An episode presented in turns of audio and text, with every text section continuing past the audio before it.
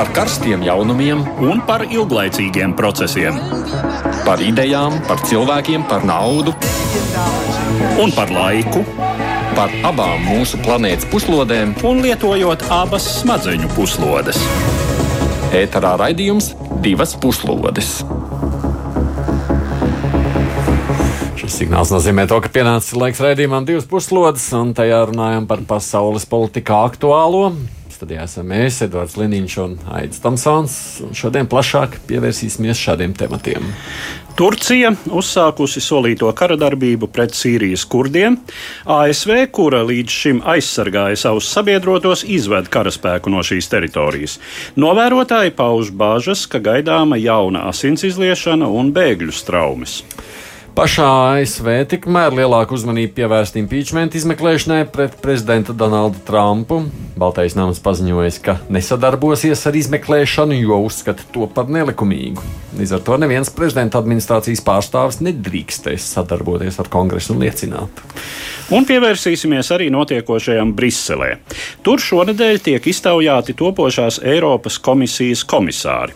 Ko varam secināt, kādā virzienā Eiropu vedīs nākamā Savienības izpētē? Izpildu vadība un kādas ir interesantākās atziņas pēc dzirdētā. Es savukārt klausītājs vēl gribu lūgt atbildēt uz jautājumu, kuru varat atrast Twitterī, vai ASV atkāpšanās no Sīrijas ziemeļiem nozīmēs arī Daīšu, jeb Islāma valsts atzimšanu. Aptauju varat atrast Latvijas raidījā viens kontā, nu vēl dažas minūtes izmantojot to iespēju tuvākajā laikā nobalsot. Un kopā ar mums šodien studijā ir arī ārpolitikas institūta pētniece Elizabete Vizgunova. Labdien! Un portāla Delfi žurnālists Andris Kārklu Valks. Labdien! Bet sākam gan ar dažām citām ziņām īsumā.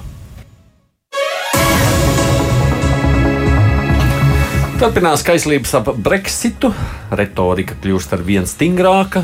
Britu premjerministrs vēl ļoti cenšas pārliecināt Eiropas kolēģis, ka negrasās atkāpties no savām prasībām. Tomēr Džonsons ir saskāries ar jaunu pretestību savā valdībā. Vairākiem ministriem apsturot atkāpšanos Brexita politikas dēļ, tā trešdien ziņo laikraksts The Times. Šobrīd tam esot gatavi virkne ministru, un kā norādījis viens no ministriem, kas ir vēlējies saglabāt anonimitāti, gadījumā, ja Lielbritānijai būs jāizstājas no Eiropas Savienības bez vienošanās, tad atkāpsies vēl liels skaits konservatīvās partijas deputātu. The Times vēst, ka ministra valdības sēdē brīdinājuši Džonsonu par lielo risku. Arī, ka Ziemeļīrijā var tikt atjaunota tiešā pārvalde, pauda bažas par Džonsona padomnieku Dominiku Kamingsu. The Times nemin konkrētu deputātu skaitu, kas iebilst pret bezvienošanās Brexit scenāriju, bet laikraksts Financial Times ziņo, ka vismaz 50 parlamentu locekļi gatavi iestāties pret to.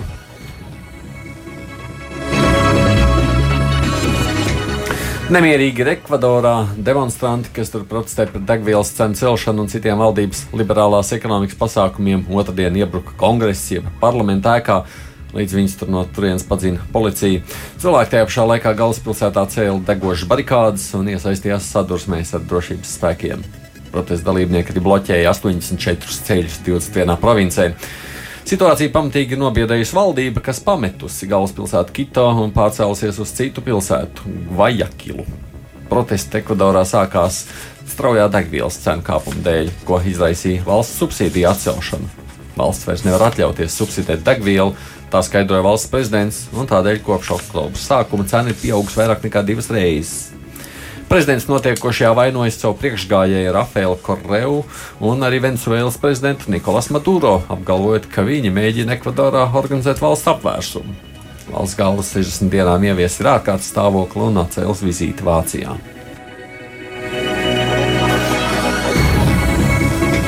Itālijas parlaments otrdien ar lielu balsu vairākumu apstiprinājis ierosinājumu samazināt likumdevēju skaitu deputātu un senatoru skaita samazināšana par 345 bija viens no galvenajiem populistiskās piedzvaigžņu kustības solījumiem vēlētājiem un ir saistīts ar plašāku vēlēšanu likumu reformu.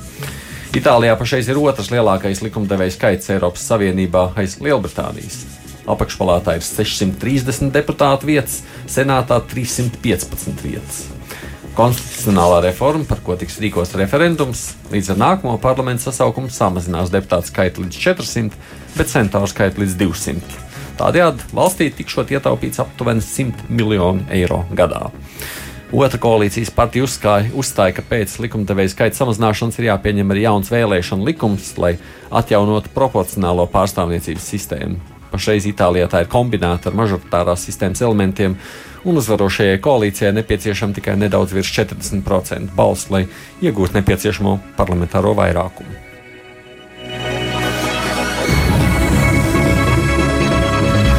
Topošais Eiropas komisijas nākamais viceprezidents Valds Dombrovskis ir paudzis bažas par Facebook veidoto kriptovalūtu Libra.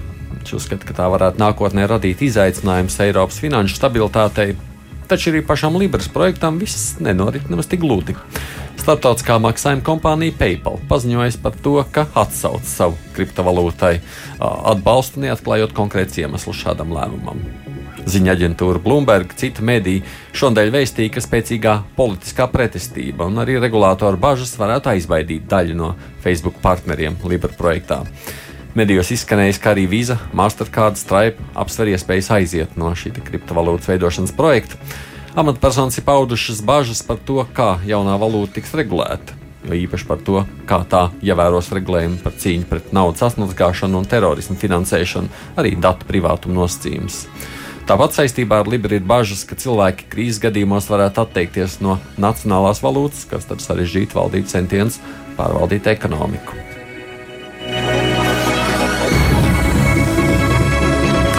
Braukšana ar skrējēju alus svētku laikā svētku dalībniekiem dārgi maksājusi. Vācijas policija paziņoja, ka simtiem elektrisko skrējēju lietotāju zaudējuši autovadītāju tiesības par braukšanu dzērumā. Minhenes Oktoberfest laikā pavisam 414 cilvēki, kas ir pieķerti braucot ar skrējēju dzērumā, un 254 tā rezultātā zaudējuši autovadītāju tiesības. Vācijā elektriskie skrējēji, kas tika legalizēti tikai jūnijā, ir iekļauti motorizēto transporta līdzekļu kategorijā, un tāpēc normas par braukšanu dzērumā attiecas arī uz to lietotājiem. Policija elektriskos skrejteņus identificēja kā tādu jaunu problēmu 16 dienas ilgo svētku laikā, un arī aktīvi strādāja pie tā, lai svētku norises vietās to nebūtu. Oktoberfest noslēdzās svētdien. Tā apmeklētāji šogad izdzēruši 7,3 miljonus litru alus, kas gan esot par 200 tūkstošu litriem mazāk nekā pagājušajā gadā. Tā paziņojuši ir organizētāji.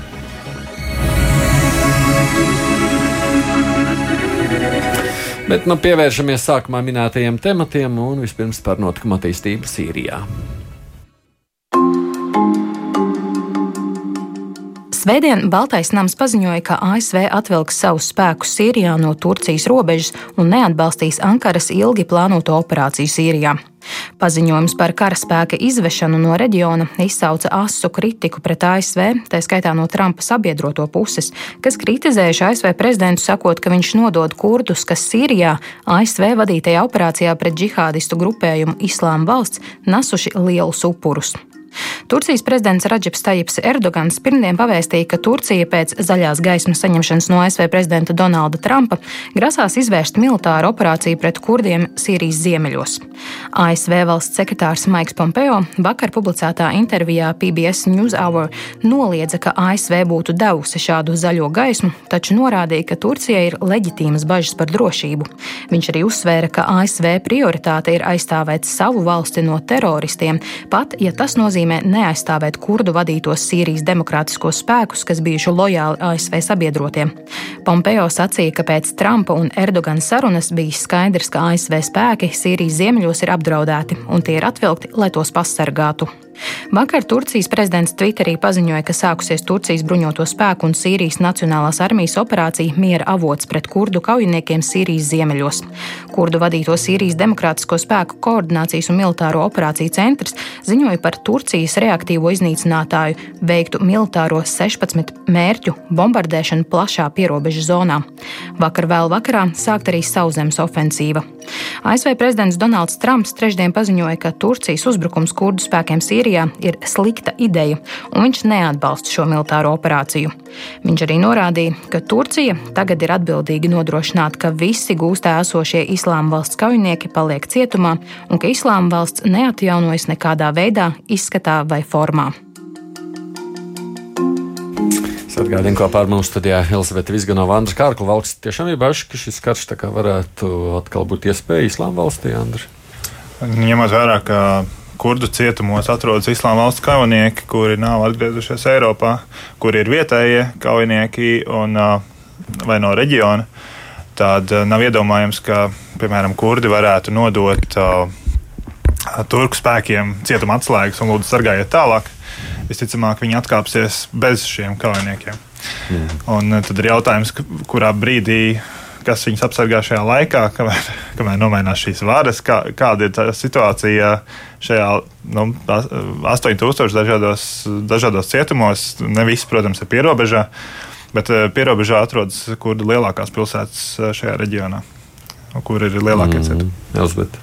Nu, es domāju, ka tās lielākās bažas, kas arī tiek izteiktas par tādu īstermiņa teiksim, asins izliešanu, saistās tieši ar pašiem kurdu spēkiem un to, kādas ir šīs vēsturiskās sarežģītās attiecības ar, ar Turciju. Turcija saskata kurdu šo neatkarīgo vai kurdu pārvaldīto apgabalu izveidošanos kā nopietnu drošības draudu PKK, jeb pašā Turcijā operējušo kurdu uh, spēku kontekstā un uh, teiksim, šādu reģionālu dinamiku uzskata par teiksim, nopietnu draudu pašas tās Turcijas valsts suverenitātei. Hmm. Uh, nu, mēs te prasām tiem klausītājiem, balsojums ir noslēdzies. Tie daži desmit, kas balsoja, saka, nu, 78%, 78% domā, ka tas tiešām varētu atdzimdināt atpakaļ to daļīšu. Jā, nu, tas, tas, protams, ir vairāku jautājumu komplekss. Nu, pirmkārt, kādas ir Turcijas starptautiskās tiesības, no starptautisko tiesību viedokļa, kādas ir Turcijas tiesības iebrukt kaimiņu valsts teritorijā. Tā tomēr ir un paliek Sīrijas Bet teritorija. Viņi ne pirmo reizi, man liekas, to dara. Jā, viņi to dara ne pirmo reizi, sevišķi pēc tam, kad uh, Sīrijā un Irākā šī situācija ir destabilizējusies, un tur tiešām ir aktīvas šīs radikālā islāma organizācijas. Bet um, nu, Turcija, sevišķi kurdu gadījumā, protams, Eh, seko saviem mērķiem, un jautājums jau ir arī, kur Turcijas armija apstāsies. Un, protams, ir zināmas bažas arī par to, nu, kā klāsies kurdu civiliedzīvotājiem, kas ir pamatiedzīvotāji šai teritorijā. Tā ir viņu etniskā zeme, tāpat kā eh, tā zeme, kas atrodas otrpus robežai Turcijā.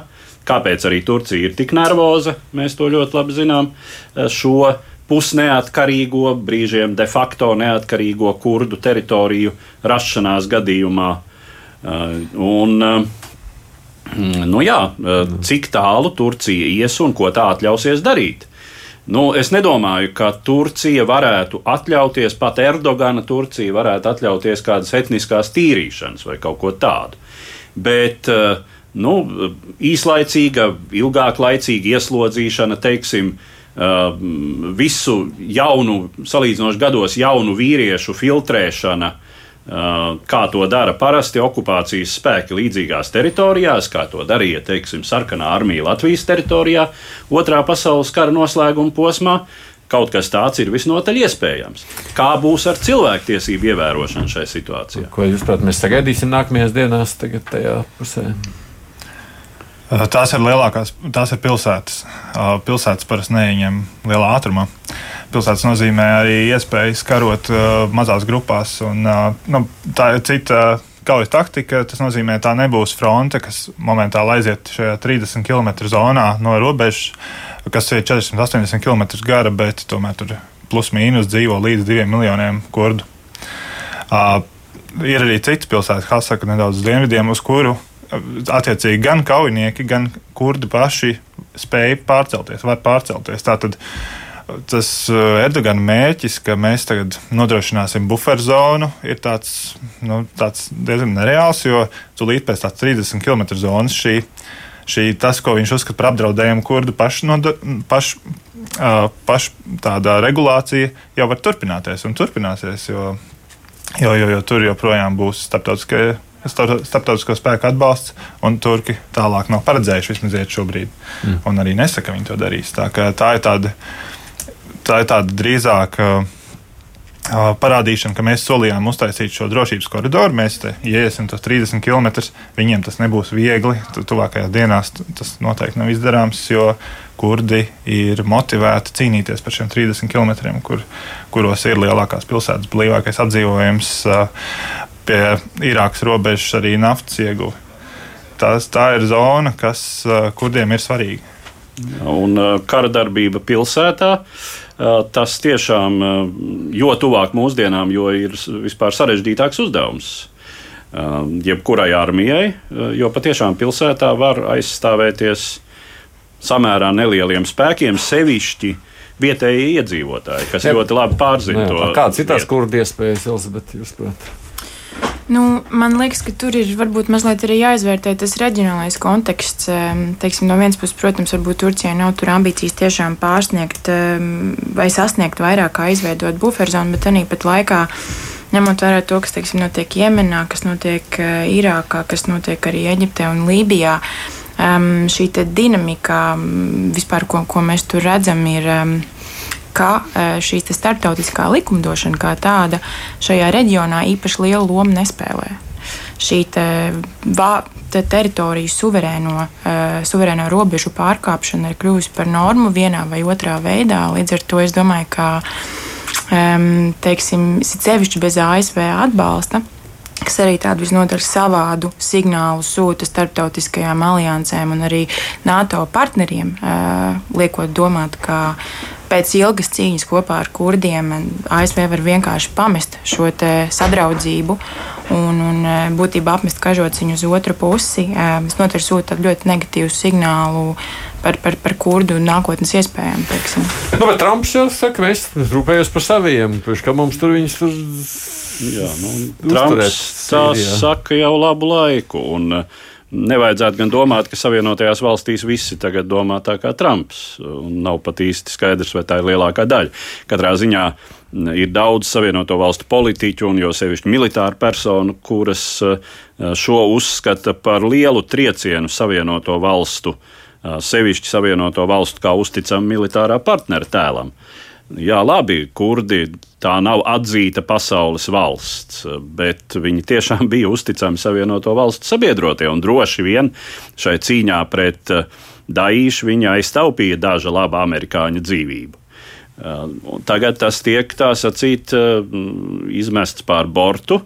Un, nu, tas, protams, ir tāds vairāk baumu līmenis. Es, es neesmu atradzis nekur kādu nopietnu publikāciju, bet nu, iespējams, ka Savienoto Valstu prezidentam ir pat kādas tiešākas vai netiešākas biznesa intereses saistītas ar prezidentu Erdoganu. Kāpēc arī viņiem ir ļoti labi vedas sarunāt. Un tas ir liels jautājums Eiropas Savienībai, kurai, kā zināms, ir līguma attiecības ar Turciju mm, par, šo, par šiem maksājumiem, kas eh, ļauj Turcijai uzturēt eh, savā teritorijā joprojām eh, tur esošos Sīrijas bēgļus, lai viņi neplūst tālāk uz Eiropu. Ja šī bēgļu plūsma nedod Dievs atjaunotos no Sīrijas kādas kara darbības rezultātā, vai nu, kaut vai tikai no Kurdistānas, piemēram, ja, kas arī ir iespējams, tad nu, Eiropai no vienas puses būtu jāturpina maksāt, no otras puses, teiksim, Eiropas ētiskie standarti šai ziņā pastāvīgi, nu, tā sacīt, Uh, ir kaut kur nolikt otrā plānā. Nu, šobrīd jau ir, man liekas, tāda lietas ziņa, tikko vēl pirms brīža skatījos, ja, kurā uh, Erdogans jau ir paziņojis, ja, ka viņš ir gatavs šobrīd atlaist, pārlai, attaisīt robežu vaļā, lai visi tie bēgļi dodas tālāk no Turcijas, ja, ja, ja Eiropa kritizēs. Jā, Zelsies, nu, kas nozīmē, ka Eiropa ir tādā ķīlnieku lomā. Nu, tur pat īpaši ir viena konkrēta valsts, kas ir šobrīd diezgan tādā. Es, būtu interesanti zināt, kas notiek viņu ministru kabinetā, jo uh, tur nebija divpusēja. Uh, uh, tikai kurdi un amerikāņi. Tur ir atrodas arī franču spēcvienības šobrīd joprojām. Ir jautājums, ko, viņi, ko viņi tur dara, kur, cik tālu viņi atkāpjas, kur atrodas francūži. Uh, gaisa atbalstu visu šo laiku tur sniedz arī Kanāda un Lielbritānija. Kur, kurdu misijām. Un jau iepriekšējā reizē, tas bija 18. gada decembris, kad Trumps pirmoreiz paziņoja par iespēju atkāpties, ka mēs izvedam no Sīrijas karavīrus. Lielākā trauksme jau bija Francijā, jo viņi ir tie vienīgie, kas tur paliek uz vietas. Ko, viņi, ko viņiem tagad darīt tālāk? Nu, Tanī brīdī Francija un Lielbritānija paziņoja par spēku papildināšanu. Konkrēti cipari netiek sautās spēcvienības Bet tas, kas tur atrodas uz vietas, mm -hmm. tas būtu šobrīd interesanti. Tas ir ne tikai tāds ētiskais, tas arī ir, nu, kas, ko šobrīd ko šobrīd lemj šīs valdības. Ja, ja mēs pabeigtu šo tematu ar tādu jautājumu, nu labi, kā jums šķiet pēc nedēļas, kāda secinājuma mums būtu, kurdi vieni palikuši, tur kāds vispār viņus vēl ir aiz, ar viņiem kopā? Vai? Es domāju, ka šis būs karsts temats vēl mēnešiem. Mēnešiem, jā, bet man te jau tas kaut kādā lietā. Viņi nebūs vieni. Nebūs vieni. Jā, es arī nedomāju, ka, ka viņi paliks gluži vieni. Nu, jā, no, no otras puses, Mm, es īsti nedomāju, ka varētu notikt kāda gaisa kauja, piemēram, starp Turcijas un Francijas iznīcinātājiem, kas ir gal galā NATO partneri. Un, un tas būtu te jau vai nebijis precedents, manuprāt, pat, pat starp Turku un Grieķu spēkiem, vai, vai tieši kara darbība, man liekas, pat, pat Kipras krīzes laikā nebija. Tad, nu, ko tur darīs eh, Eiropas eh, spēcvienības un ko vispār Eiropas eh, valdības darīs šai sakarā, tas būs gan, es domāju, mums vēl ilgi aktuāls temats. Tā ASV nostāja varētu mainīties? Šajā jautājumā jā, konkrēti. Jā. Grūti pateikt, ņemot vērā to, cik viņas bieži mainās, bet es domāju, ka šis šobrīd ir tāds lēmums īpaši impeachment kontekstā, kas, kas tagad droši vien kādu laiku būs patstāvīgs. Pastāvīgs. Pastāvīgs, jā. Pastāvīgi aktuāls. Labi, par impeachment turpināsim, tāpēc, ka lai laiks visu, ko pārunāt mums būtu, jo pašā ASV lielāku uzmanību tiešām pievērš nevis ārpolitikai, bet impeachment izmeklēšanai pret Trumpu.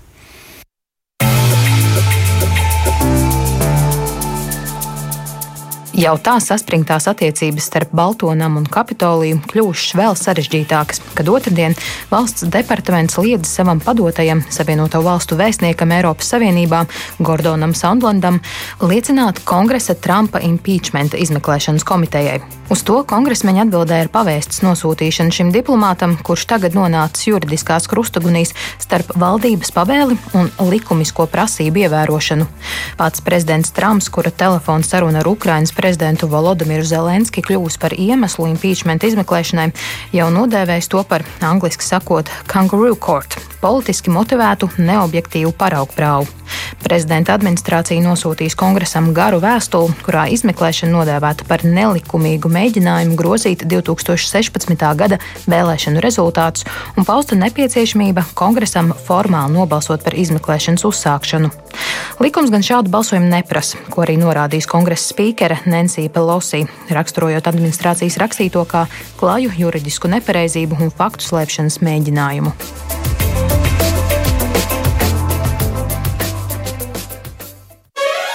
divas puslodes.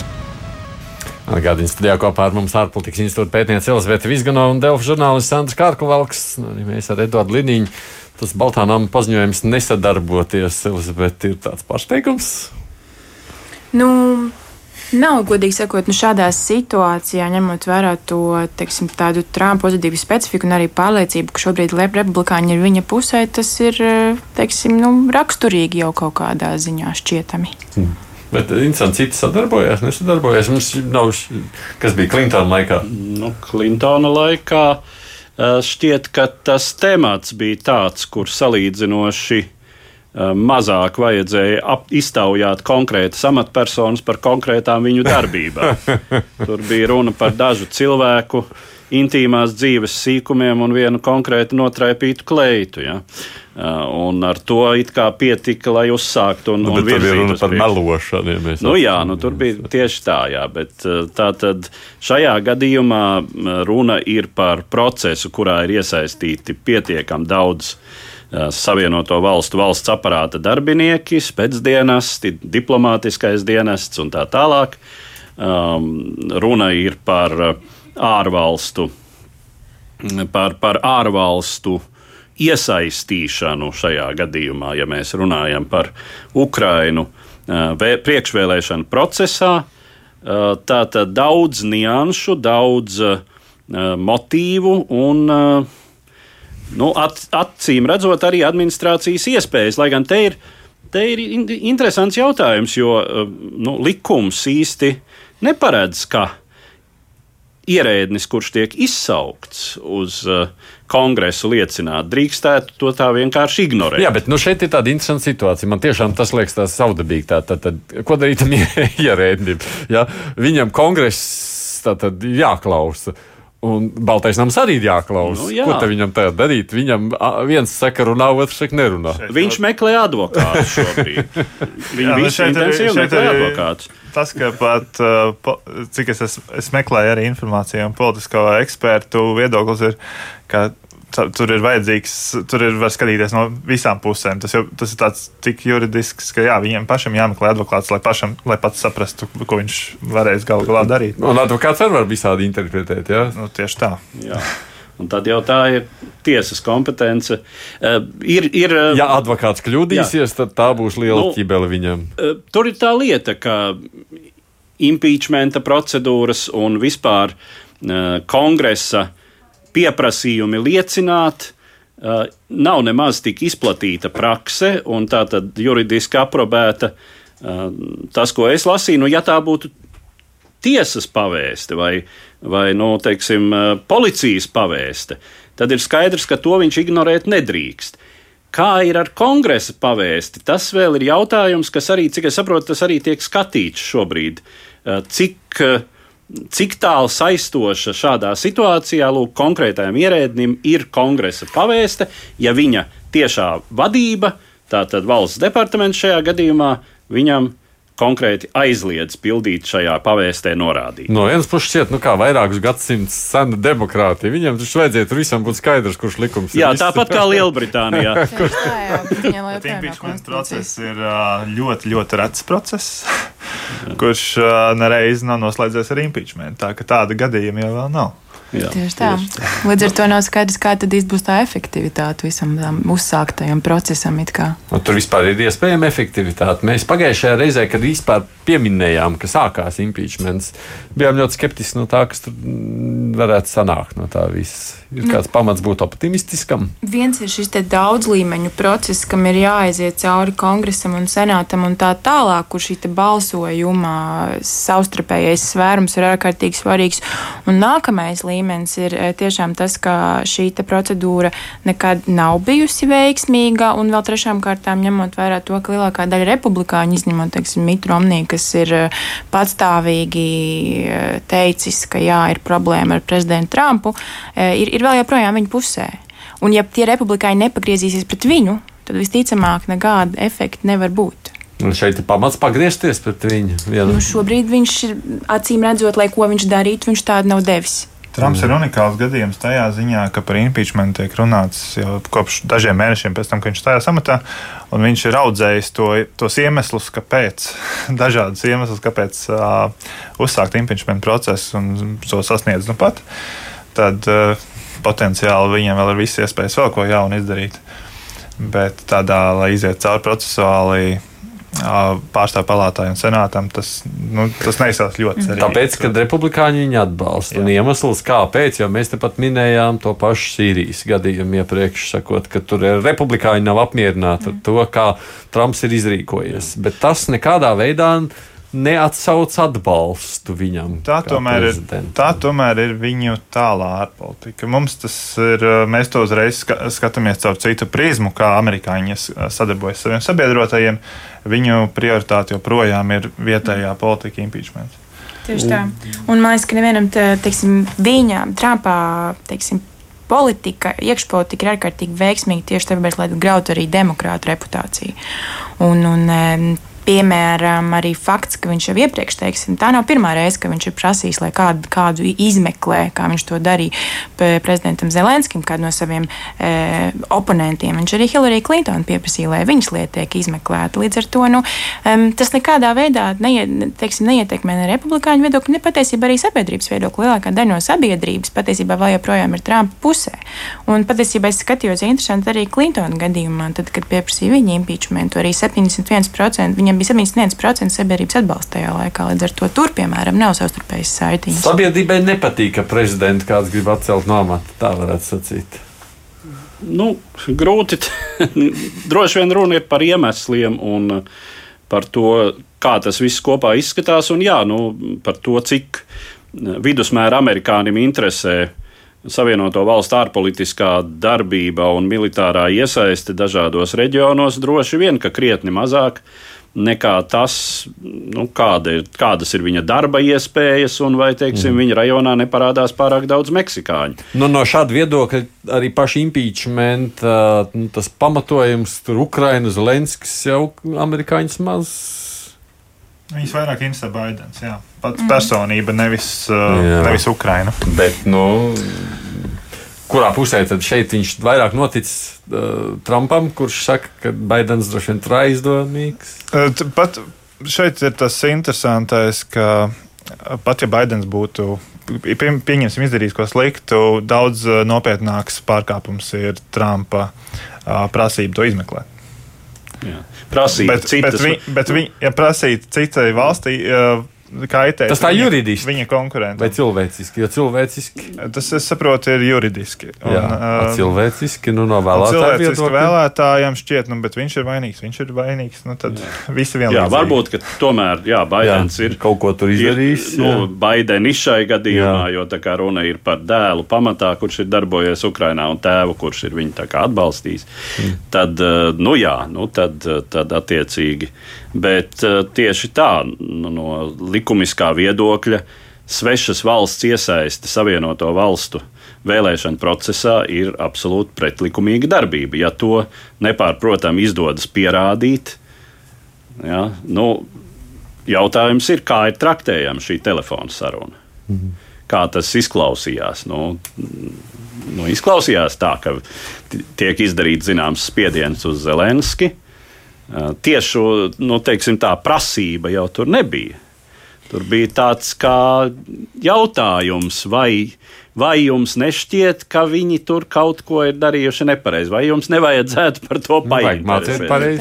Turklāt mēs neesam pa, redzējuši jā. sarunas ierakstu. Tas ir uh, memorandums, jeb tāds kā atmiņa atšifrējums par to, kā viņi ir runājuši. Es jau starp citu lasīju, viņā ir dažas gramatiskas kļūdas arī pieļau, pieļautas tā starp citu angļu valodā. Bet um, arī, kas ir uh, interesanti, pāris dienas pirms tam uh, gan Trumps ir atcēlis militāro finansējumu, līdz apturēt militārā finansējuma sniegšanu Ukrainai 400 miljonu dolāru dolāru apmērā. Un tas, protams, Ukrainai varētu būt diezgan svarīgs aspekts, ņemot vērā to, ka viņi Ukraina tieši šajā telefonsarunā transkriptā lasot, var ļoti labi redzēt, kā Zelenskis, nu, vai varbūt a, situācijas spiests e, ļoti neapmierināts ar Eiropas Savienības iesaistu Ukrainas konflikta risinājumā un uzsver, ka ne Francija, ne Vācija nedara pietiekami daudz un tā tālāk, un viņu lielie draugi tad ir pāri okeānam. Dainis saka, žēl, ka politiskās cīņas var traucēt ASV ārpolitikas virzīšanai. Jo ASV taču jāapzinās, ka multipolārajā pasaulē ir daudz žurku režīmu, kas ir ieinteresēti demokrātijas vājināšanā. Viņš ir mazliet garāk. Bet, ja runājam, pabeidzot šo stāstu, kurš tad būs ieguvējis beigās no tā visa? Pagaidām. Trumps. Pagaidām Trumps. Trumps. Nu, kas zina, jā. Mm ir jau, teiksim, es neizslēgtu, gan ļoti uzreiz jāsaka, neorientējoties Savienoto valstu un republikāņu partijas virtuvē, kā saka. Bet eh, nu, ir tomēr droši vien iespēja, ka eh, kāds no Trumpa konkurentiem republikāņu partijas iekšienē varētu, teiksim, nākamajā priekšvēlēšana procesā tā vai citādi, nu, vismaz mēģināt pastumt Trumpu malā mm. Uh, un pretendēt uz. Uh, uz uh, Paskaties uz Elizabetes skeptisko seju, mm. sapratīs. Man liekas, ka visa publicitāte ir laba publicitāte arī tad, ja tā it kā ir par sliktām lietām. Man liekas, ka šajā pasaulē jau tagad tā ir. Jā, nu labi. Es saprotu, ka jebkurš, kas tāds notiek, tas tiek arī izmantots šajā politiskajā cīņā nākošajā priekšvēlēšanu gaisotnē. Mums vēl vajadzētu laiku veltīt notikumiem tepat Eiropā, jo kolēģis Edvards Liniņš tikko ir patiešo no lidostas no Briseles. Briselē tuvojas noslēgumam Eirokomisāru amata kandidātu iztaujāšanas process Eiropas parlamenta komitejās pirms 23. oktobrī paredzētā balsojuma par jaunizveidoto komisiju. Iztaujāšanas kulminācija bija 8. oktobris, kad uz deputātu jautājumiem atbildēja trīs izpildu viceprezidentu kandidāti. Šiem komisijas prezidents Urzuls Fonderlejenes vietniekiem paredzēts īpašs status un kompetence, kas iezīmē nākamā komisijas darbības cikla prioritāros politikas virzienus. Eiropas Tautas partijas pārstāvjiem pārstāvja Valda Dombrovska portfeļa definīcijas latviskojums varētu būt ekonomika cilvēkiem, respektīvi ekonomika, kas darbojas cilvēku labā. Dāņu sociāla liberāla un grupas atjaunot Eiropu pārstāve Margarete Vestagare atbildēs par digitālajiem laikmetam atbilstošu Eiropu, kā arī turpinās pāraudzīt konkurences jomu, ar ko nodarbojas arī pašreizējā Eiropas komisijā. Savukārt Nīderlandiešu sociāldemokrātu un sociālistu un demokrātu progresīvās alianses pārstāvja Franca Timermans atbildības joma ir Eiropas zaļā vienošanās, proti viss, kas saistīts ar vidē draudzīgāku un ilgspējīgāku politiku. Valda Dombrovska noklausīšanos raksturo kā līdzsvarotu un pārliecinošu, bet bez spilgtuma. Margarita Vestagare sevi demonstrēja kā potenciāli spēcīgas, inovatīvas attīstības virzītāju, savukārt Timermans, nenoliedzami harizmātiskākais un pieredzējušākais no vietnieku trijotnes, valdzināja ar oratora prasmi un monolītu skatījumu uz savu atbildības jomu. Tikām vairākiem sākotnēji pieteiktajiem kandidātiem Eiroparlamenta filtrs izrādījies par smalku. Juridisko jautājumu komitejas iebildumi bija iemesls Ungārijas tieslietu ministra Lāslo Tročjānī un Rumānijas Eirofondu ministres Romanas Plumbas kandidatūru atsaukšanai. Uz Ungārijas pārstāvim paredzēto kaimiņu valstu un paplašināšanās komisāra portfeli tagad pretendē diplomāts Olivers Varhelji. Savukārt Rumānijai piešķirto transporta komisāra portfeli eirodeputāts Dans Nika vai Rumānijas Eiropas lietu valsts sekretāre Melānija Gabriela Čota gadījumā, ja komisijas prezidenta Fonderleina uzstās uz dzimumu līdzsvera principu striktu ievērošanu komisijas sastāvā. Abu šo kandidātu iztaujāšana vēl ir priekšā. Tāpat Briselē šodien vēl joprojām tiek iztaujāta Francijas kandidāte industriālās politikas un vienotā digitālā tirgus komisāra amatam Silvija Gulāra. Visos šais gadījumos aizķeršanās iemesli meklējam ne tikai kandidātu personiskajās īpašībās un darbībā, bet arī attiecīgo nacionālo valdību attiecībās ar Eiroparlamentu. Komisāru kandidātu iztaujāšanas procesam būtu jānoslēdzas 17. oktobrī. Edvards, arī būdams klāt, vēl klausoties, kas tev šķiet vispār svarīgākais, par ko šajā visā kontekstā būtu vērts runāt, ja jārunā? Nu, droši vien, ka ir jārunā par to, kā tad šīs uh, atbildības jomas tiek dalītas uh, un kādas varētu izskatīties tās uh, kompetences robežas, kuras ir katram. Šie, nu, tā jau gan ir, ka arī iepriekš ir bijuši, dalot komisāru portfeļus, nu, tādi, mm, tādas, tāda, tādas atbildības definīcijas, kas īsti neļauj uzreiz saprast, par ko ir runa. Mm -hmm. Un šajā gadījumā nu, es arī teiktu, ka teiksim, ekonomika cilvēkam. Valds Dombrovskis. Valds Dombrovskis. Nu, tur ir gana daudz Piedodiet par rupjību, piedodiet par rupjību, bet tas, ir, tas, tas man atgādina vēsturiskas analoģijas kā zemi zemniekiem, maizi salkstošajiem mieru tautām. Nē, protams, eh, kad sāk atšifrēt un saprast, eh, nu, un zinot Valda Dombrovska pieredzi, eh, ir skaidrs ar apmēram, ar ko viņš nodarbosies, un apmēram ir skaidrs tās viņa uh, sadarbības robežas ar viņa kolēģiem. Uh, bet uh, nu jā, tas, ir, tas ir interesanti, kā šis mehānisms tagad darbosies, jo tas ir kaut kas jauns. Šo trīs um, izpildu vietnieku iecelšana ar tādām atbildības aprisēm. Nu, tur ir, protams, daudz tiek runāts arī piemēram par tādu komisāra portfeli, kas saucas Eh, komisārs Eiropi, Eiropeiska dzīvesveida uzturēšanas jautājumos, Grieķijas pārstāvis. Un ko tas varētu īsti nozīmēt? Mm. Uh, nu, protams, atkal, kad, kad eh, šis pretendents runā par to, nu, tad, tad kļūst dru, drusku skaidrāks. Nav tā, ka viņi tur tikai mākoņus nu, stumdīs. Nu, jā, uh, jā. Nu, man pašam bija tā izdevība būt klāt šo trīs izpildu. Uh, izp, vic, vice izpild uh, prezidentu. jā, nu, tā, tāds tas tulkojums ir. Uh, uh, es gan dzirdēju, jā, to Eiropas parlamenta deputātu Vaideri ierosināja, ka varbūt tomēr tie nav izpildi, ka, ka viņus varbūt adekvātāk būtu dēvēt par um, atbildīgajiem viceprezidentiem. Uh, nu, tulkojumu droši vien vēl var pieslīpēt laika gaitā. Uh, un, uh, Mm, nu, šajā gadījumā jāsaka tādas nianses, ka bija dots vārds acīm redzami tieši attiecīgo nacionālo valstu pārstāvjiem. Nu, tā tad jāsaprot, ka tie, kas iztaujā, laiks ir ierobežots un iztaujātāju sastāvu nosaka Eiropas politisko grupu proporcijas.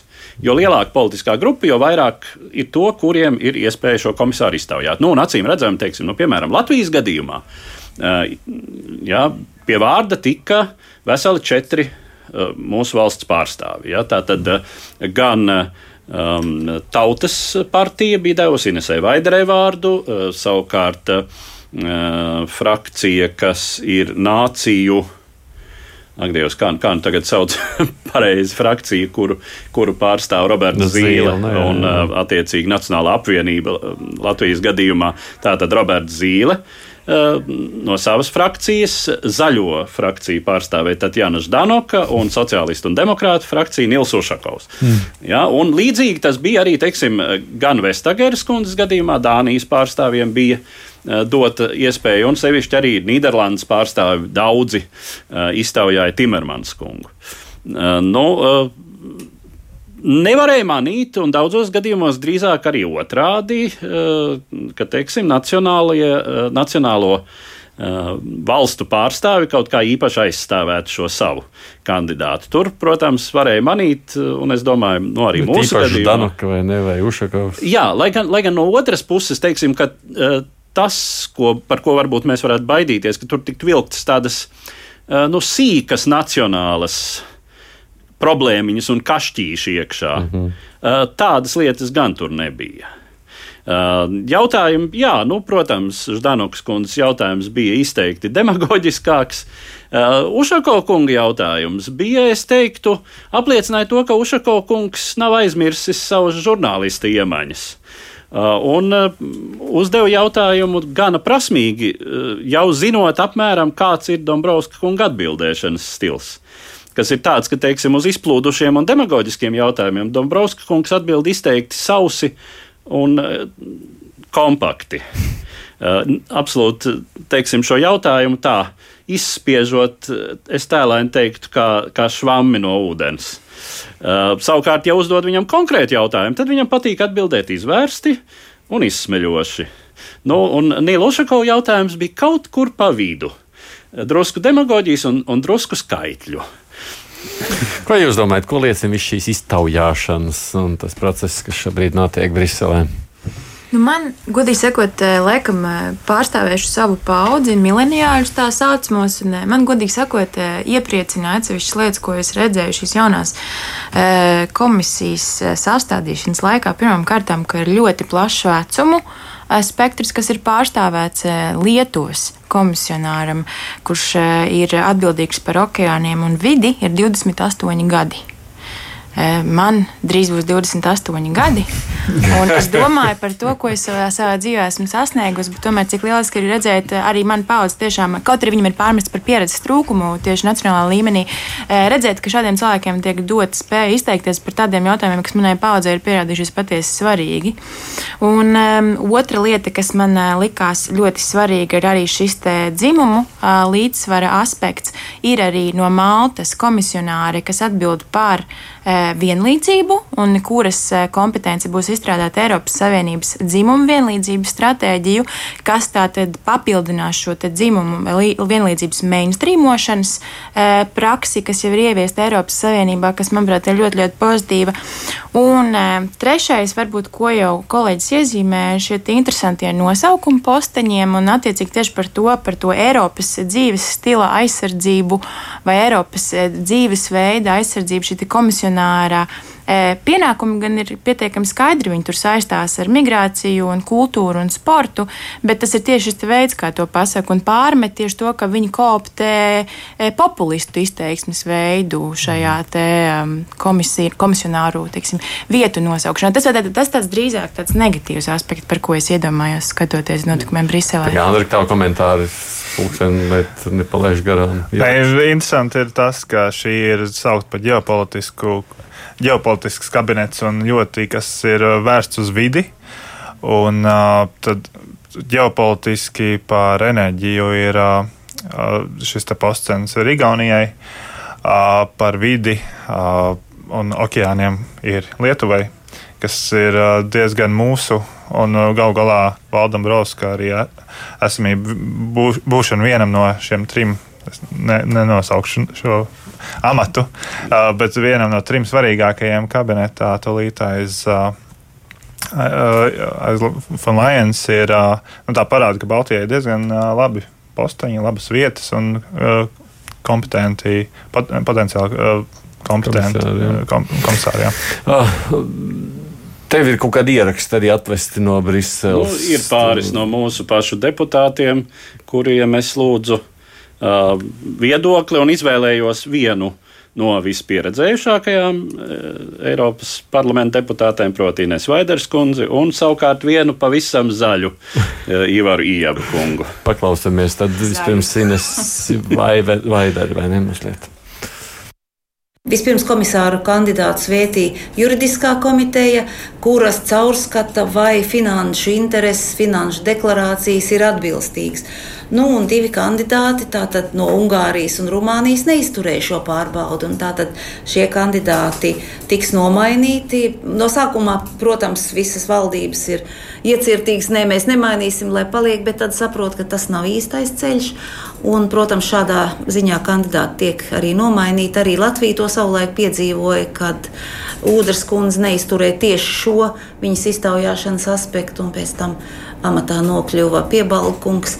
Tātad nu, vispirms ir šī finanšu atbilstība, nu, un tad, protams, tiek apskatīta arī kompetence, un diskutabla ir arī poļu komisāra kandidāta zināšanas un kompetence lauksaimniecības jautājumos, arī tas, vai viņš spēj atbildēt arī un saprast angļu valodā uzdots jautājumus un noformulēt komisāram, tas tomēr ir svarīgi, jo kaut arī, protams, Eiropas Savienība un Eiropas parlaments ir par daudzvalodību, bet ir arī neformāls sarunas un ir jāsaprot arī cilvēki, ko saka nu, piecās darba valodās, nu, vismaz angļu valodas zināšanas ir ultimatīva prasība. Jā.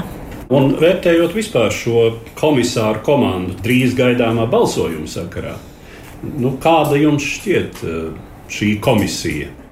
Nu, man liekas, ka jāskatās, kā strādās. Es domāju, ka Urzula Fonderlaina ir ļoti nopietns uh, kandidāts.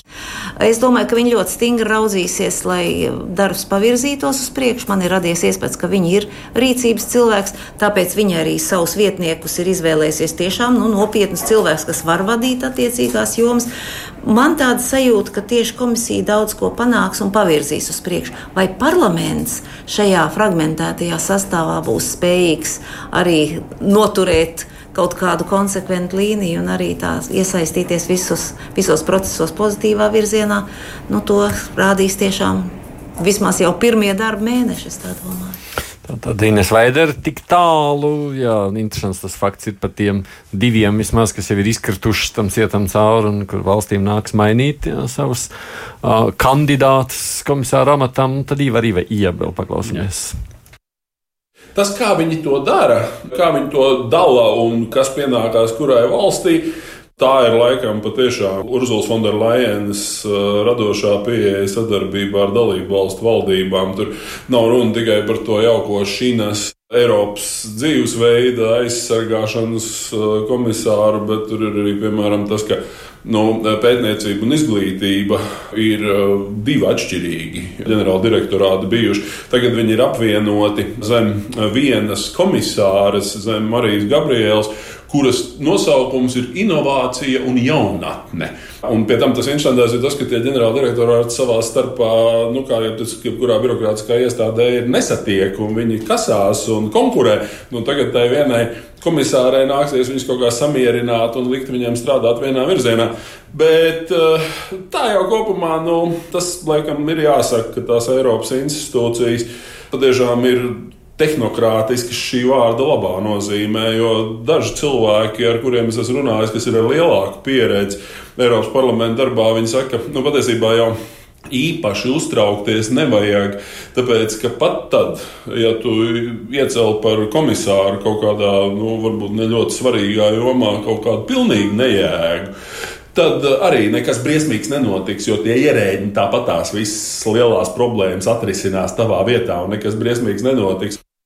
tā jau var sīkās. Nu, mums jau kādreiz par mūsu ministriem tāpatās saka, premjerministrs eh, vai ministrs. Tur, nu, jā, neko nesapratīs tie pārējie, jau tur izdarīs. Mums tā ir bijis. Jā, ir tā vienalga, ja komisārs, kurš tur. Nu, komisāri tomēr ir cilvēki, kurš citē. Tāpēc, ka citē. Tāpēc, ka citē. Pat ja nu, komisārs nosaka arī kaut kādu darbu virzienu, protams, gluži kā ministri valstīs, bet uh, tas ir arī cilvēks, kurš pārstāv Eiropas Savienību, arī ja mēs skatāmies arī ārpus Eiropas Savienības. Tas ir cilvēks, kuru citē un kas parāda, vai Eiropas Savienība ir nopietna konkrētā jautājumā un ko viņš šajā jautājumā domā. Pat ja ierēģi cenšas un dara visu pēc savas mm. sirdsapziņas, vērtē pēc izteikumiem.